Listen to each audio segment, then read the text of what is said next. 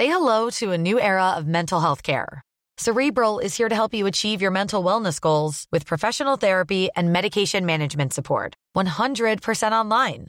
You'll experience the all new Cerebral Way, an innovative approach to mental wellness designed around you. You'll get a personalized treatment plan from a therapist, prescriber, or both in a safe and judgment free space. Your cerebral therapist or prescriber will outline a customized plan with clear milestones along the way so you can get to feeling your best. With Cerebral, you're not alone in your mental health journey. We're here to empower you to live a fulfilling life.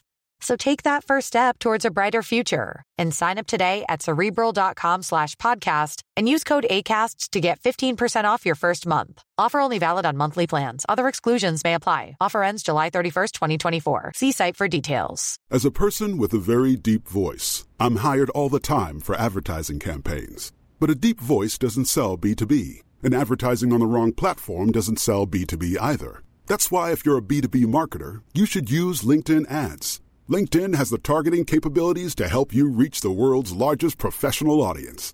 That's right, over 70 million decision makers all in one place. All the big wigs, then medium wigs, also small wigs who are on the path to becoming big wigs. Okay, that's enough about wigs. LinkedIn ads allows you to focus on getting your B2B message to the right people. So, does that mean you should use ads on LinkedIn instead of hiring me, the man with the deepest voice in the world? Yes. Yes, it does. Get started today and see why LinkedIn is the place to be to be. We'll even give you a $100 credit on your next campaign. Go to linkedin.com slash results to claim your credit. That's linkedin.com slash results. Terms and conditions apply. Wow. Nice. Yeah.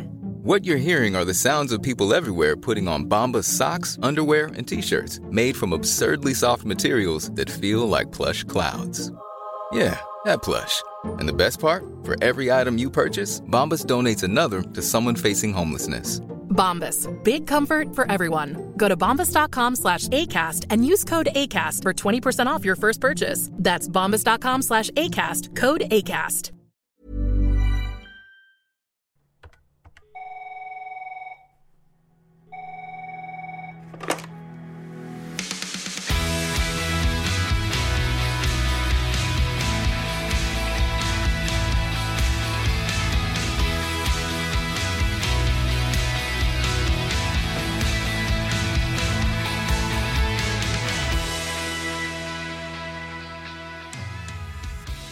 Nå kjenner jeg at jeg er litt eh, andektig, Ingeborg. Ja, jeg ser det på deg. Jeg er litt, litt grann nervøs også. Ja. Er du klam i henda, sånn som du pleier å bli når nervene tar deg? Få kjenne. Strekk fram hånda. Ja. Ja, ja. Kjempeklam. Det betyr at du har litt nerver. ja. Det betyr at jeg har nerver, men på en god måte. Absolutt. Ja. Og så veit jeg inni meg at jeg trenger egentlig ikke å ha det, for vi skal nå ringe verdens hyggeligste dame. Ja.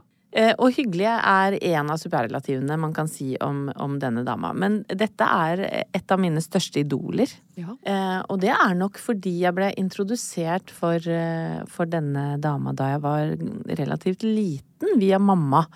Mamma var eh, en ung sosialist eh, og opptatt av kvinners rettigheter. Var ikke hun sånn typ en av tre i Åsgårdstrand som stemte SV? Eh, En av tre i hele Vestfold. Ja. Ja, så Hun og du- pappa Du kom fra var rad, to. Raddis-hjemmet. Ja, ja, ja. ja. Eh, og for den som husker Hustruer-trilogien, altså den første filmen ble laget i 1975 av Anja Breien, og, og dette er jo en, en sånn sosialrealistisk eh, film om tre venninner eh, og deres eh, ja, frigjøring fra mennene sine. Det, har jo mye mer eh, Altså, det er mer ulik te tematikk enn som så, men det er i hvert fall kanskje overskrift. Det var jo et slags feministisk manifest Ja. på filmlerretet. Husk på, i 75 Ja. så eh, var man jo midt i liksom den første og mest radikale kvinnekampen. Så den filmen var, de, de tre filmene var jo et skrell. Ja, helt klart. Og jeg, jeg var jo kanskje litt for ung til å skjønne alle lagene her, men, men jeg tror jeg så hustruer da For jeg var jo bare fire år i 1975, så så oppvakt som unge var jeg ikke. Men la meg si at jeg så den som niåring, da. Ja. Eller tiåring. Mens jeg jeg så på. Derek, for mine foreldre var litt mer konservative og tenkte at vi, vi trenger Ja. ikke plante sånne ideer, det er bedre å se på tysk Hun skal lære seg tysk, tenkte far. ja, på det var det. Ja. Men i hvert fall, jeg husker bare en ikonisk scene hvor eh, Anne Marie Ottersen sitter da inne Dette var med Frøydis Arman og Katja Nå husker jeg ikke, unnskyld, eh, etternavnet hennes, men i hvert fall eh, Anne Marie Ottersen og disse to venninnene er på en, et offentlig toalett, og så sitter eh, Anne Marie og tisser. Bare det, og det å vise en, Ja, ja. en dame tisse, liksom, det var u uvanlig på den tida. Og så sitter hun og leser på veggen, og så sier hun etter at sånn kuk og fitt skal sammen sitte, og da, da raste jo for meg. Det, Ja. er, det var jo noe av det groveste og morsomste jeg hadde hørt. Det er på en måte- jeg føler at hele din personlighet Ja. eh, ble skapt ut fra det øyeblikket Ja. hvor Anne Marie Ottersen sier 'kuk og fitte skal sammen Ja, og hun lo jo sin trillende latter, som oh. er så ikonisk. Og så eh, vil, vil liksom verden ha det til at Lasse Lintner, hennes eh, 11 eller 12 eller 15, husker ikke hvor mye yngre han er enn henne, men hennes Adonis, de traff hverandre i voksen alder, har et kjærlighetsbarn som heter Nora. De besøkte oss, altså Anne Marie og Lasse, i, Spania i tre dager da vi lagde Casa Nu med Thomas og jeg. Og det er, så, det er sånn det er tre dager eh, som jeg husker tilbake til eh, on a rainy day, for det var kanskje noe av det morsomste Husker du og hyggeligste. fortalte meg om det? Ja. Eh, og dere hadde besøk av utrolig mange Ja, fantastisk flotte par. altså, det hadde vi, så det var ikke til forkleinelse. Nei, nei. det er det ikke. Det er ikke til forkleinelse for noen andre. Men da du kom hjem og hadde spilt inn eh, Casa Numme, så var det ett par du snakka om. Ja, Det var Anne Marie og Lasse. Og så kom det andre historier etter hvert, men det var så tydelig at akkurat samværet med de Du fortalte så utrolig eh, begeistra om de tre dagene. men det handler vel om at eh, alder og generasjoner ikke har så mye å si. For det var som å henge med et vennepar. Ja. Og nå så skal vi ringe min gamle venninne Hanne Marie.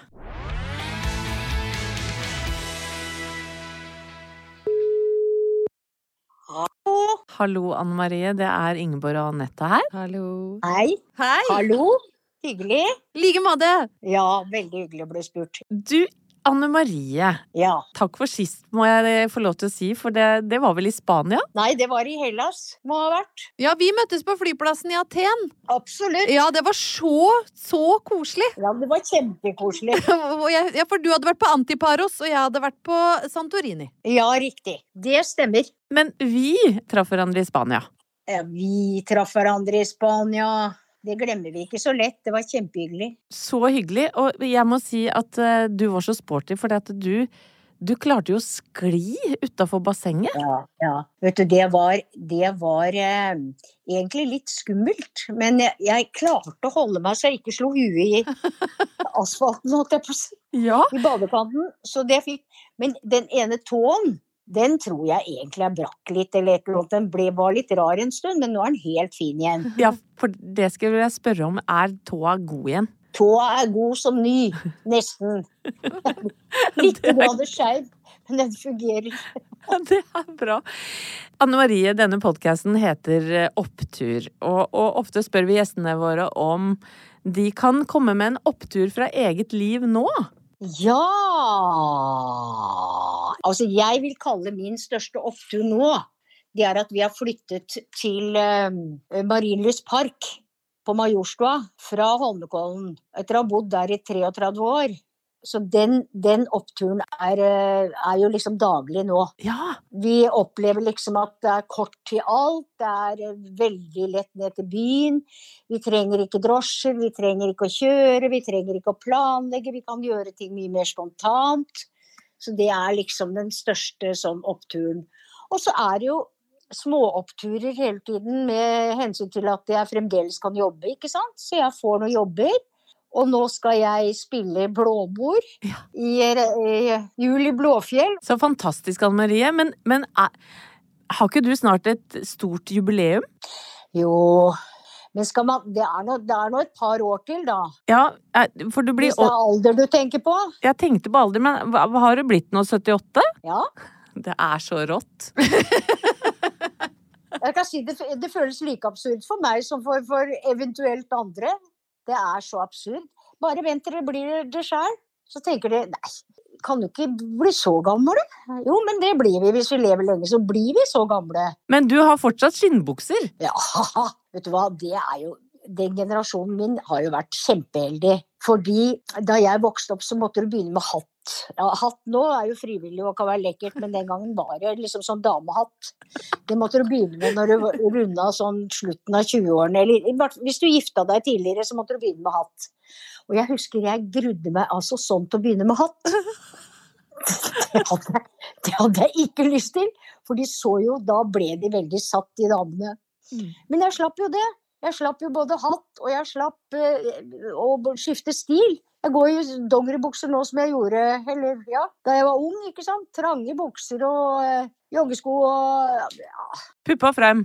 Puppene frem, alt frem som du bare Altså, det er jo derfor det blir sånn at du føler deg jo ikke så veldig gammel, altså. Men du vet jo at du er det.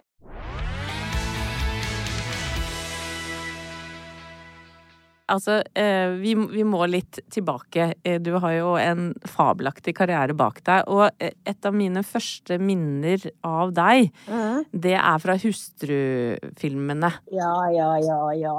Den første kom vel i 1975. Da var jeg bare fire, så jeg så den noen år etter. Men, men jeg, jeg har prøvd å memorere. Hva var det du leste høyt fra den do, offentlige doveggen? Husker du det? Hva var det, da? Fader. Eh, Anette tror det er kukk og fitte skal sammen sitte. Var det så grovt, Anne Marie? Å ja. Ja. Ja, det var det. Det sto det. Ja, det stemmer det. Ja, Da huska Anette riktig! Det stemmer nok det. Jeg lurer på om det, det var noe det, det, Den setningen du sa da, og med den trillende latteren din etterpå, tror jeg det, det vekte det grove i meg. Ja, for da skjønte du at de voksne kan også være sånn. Ja. Og det er viktig, vet du. Men Anne Marie, eh, kan, kan ikke du fortelle en ordentlig sånn real oppturhistorie fra ditt, eh, ditt liv som skuespiller? Jo, eh, jeg kan fortelle flere selvfølgelig, men jeg kan fortelle en litt sånn Ja, det var Ja, jeg har noen, altså. Jeg har to, to litt fete, da. Ja, kjør de to fete, da. Ja. Den første var Det det var jo radio og teater før i tida. Elska jo radioteater, og jeg fikk masse å gjøre der. Eh, ja, nei, det blir tre. Det blir tre, Anette. Ja, ja. Kjør tre. Og, og hvis vi ikke sier sånn ja og ha hele tida, så er det fordi vi sitter og lytter. Ja, det er flott. Nei, så, så jeg fikk masse jobber i Radioteatret. Og så hadde jeg spilt noe i Radioteatret som het Skallet. Og så var det, var det kritikk også av de tingene vi gjorde. Så jeg eh, Lille Morten var da bare bitte liten. Det er den yngste sønnen min, da. Og vi skulle kjøre i, barnehagen, og jeg var jo enslig mor. Og hadde, det, snødde masse, med sånne våte snøfiller som datt ned. Og jeg hadde ikke bil. Så skulle jeg kjøre han i barnehagen, så tenkte jeg jeg skulle innom og, og lese Dagblad. Det var jo bare papiravis den gangen. Og det pleide bare å stå ja, det var ok, eller det var ikke så ok, eller sånn og sånn. På, sto det en trespalter, så sto det til overskrift 'Dette er det beste denne anmelder noen gang har hørt i Radioteatret'. Og du vet, da gråt jeg, altså. Åh. For da sto jeg liksom sånn litt fattig og arm og naken, holdt jeg på å si. Den lille sønnen min som skulle opp i barnehagen og masse å gjøre. og Uh, ja, Det var ganske tungt liv. Da tenkte jeg bare det er verdt det. Oh, så nydelig. Så fikk jeg Radioteatrets pris, Den blå fugl, første gang det ble utdelt. Oi! Du var den første vinneren av prisen. Aller første vinneren. Og da tenkte jeg alltid nå kommer jeg til å stå evig her, for det kommer til å stå hver gang det blir utdelt nå. Så kommer det til å stå det ble første gang utdelt til andre periode. Ja. Fikk du evig liv gjennom Den blå fugl? Ja, tenkte jeg. Mm. Det skjedde aldri. Aldri. Ja, men vi kan skrive det i omtalen av denne podkasten Ja. hvis du vil. Det gjør vi gjerne. Og så har jeg en annen på teatret. Nei, det blir fire, da. Ja, men det liker vi godt. Vi trodde ei halv uke på Saga. Norske filmer gikk ei halv uke på Saga i gamle dager. Og vi hadde denne første hustrufilmen hadde vi gjort det på seks uker eller noe sånt. Det var veldig Det var oss. Og så lagde vi den filmen og skrev sjøl og I det hele tatt. Det var vår film. Og så ble den ikke satt opp på Saga, men den ble satt opp på Gimle. Og var altså Ja, det var en kjempesuksess, og det kom så bakpå oss. Og vi ble solgt til alle filmfestivaler i hele Europa i hvert fall, og jeg tror i Amerika også. Det var helt hysterisk, altså. Så det var, det var kan vi kalle opptur. Tenk at du har sagt 'kukk og fitte skal sammen sitte' til mennesker over hele verden. Det syns jeg er ganske fantastisk. Da den gikk i Iran, så lurer jeg på om det ble overtatt. Du sladda, da. Det vet vi ikke. Det vil vi aldri få vite.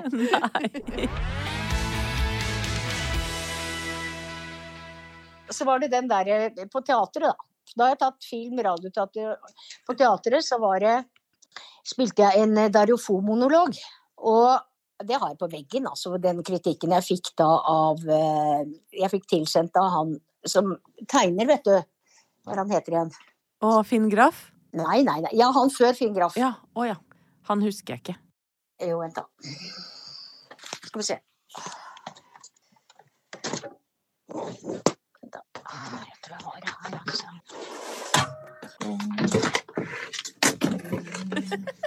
Navn, vet du. Lasse, hva het han som tegnet i Dagbladet før? Hammarlund. Hammarlund. Ah, Og han, da fikk jeg tegningen av, av meg selv i den rollen i Dario Fo. Det var en monolog. Og så fikk jeg tegningen. Så sto det at i mine 35 år som uh, teatertegner og sånn og sånn, er dette det beste jeg noen gang har sett. Og du vet, ja, du, vet du, blir jo helt, du blir jo helt matt, for du er så redd, og du aner jo ikke hvordan det går. Og det, altså, du gjør bare så godt du kan. Og så blir du jo litt hudløs når du liksom skal by på noe sånt. veldig hudløs. Og så få en sånn en. Den, så jeg har den på veggen, men merkelig nok du, så fant jeg den ikke nå.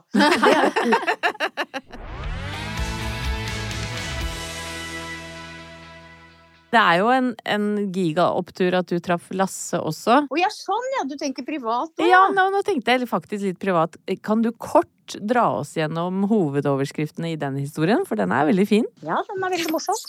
Eh, det var eh, Lasse var jo altså et fruktfat. Det må man kunne si. Ja, det er det enda! Han ble kalt eh, Han ble intervjuet av hun Benny Osvold, og ble kalt eh, var det Norges eller verdens vakreste mann? Han orker ikke å høre om det. Jeg tror det er i hvert fall Norges vakreste mann. eller noe. Han var smukk, og alle jentene syntes jo han var smukk, men han var gift og hadde to barn. Og var en god skuespiller. Og de andre gutta kalte han Kongen. Fordi han var så Nei, nå må jeg ikke rote meg bort. Men så ble de separert. Og så tenkte jeg han må jo trøstes litt, tenkte jeg. Jeg er jo litt eldre enn han, men det er klart jeg må jo trøste han litt. Så jeg satte meg ned ved bordet hans og sånn. Og, så Jeg var 40 år, skulle feire. Gikk ut på, og gamlekjæresten min satt barnevakt, og jeg gikk ut på Jeg går ut, jeg sier det, fordi at eh, så ikke han får alle. Så var jeg på kasino.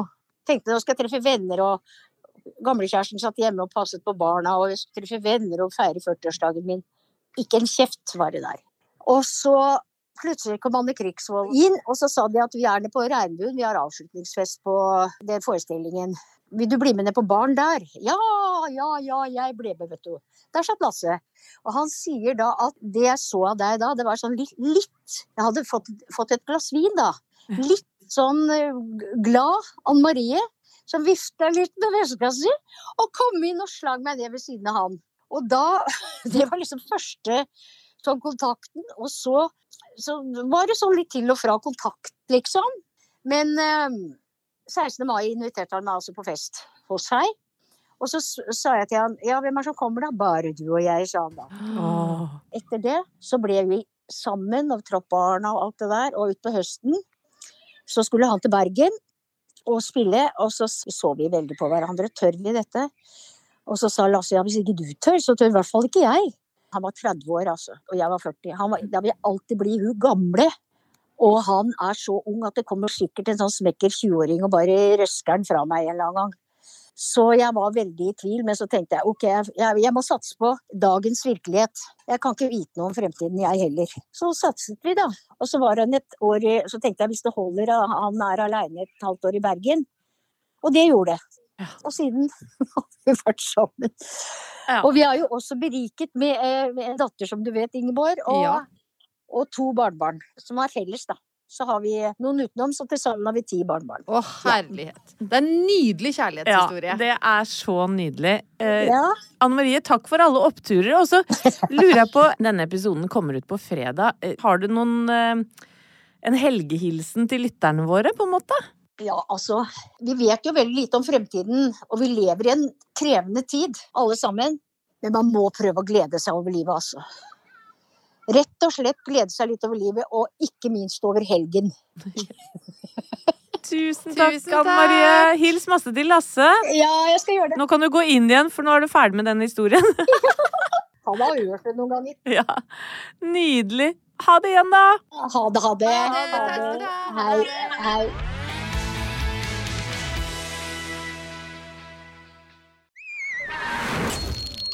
Plan B.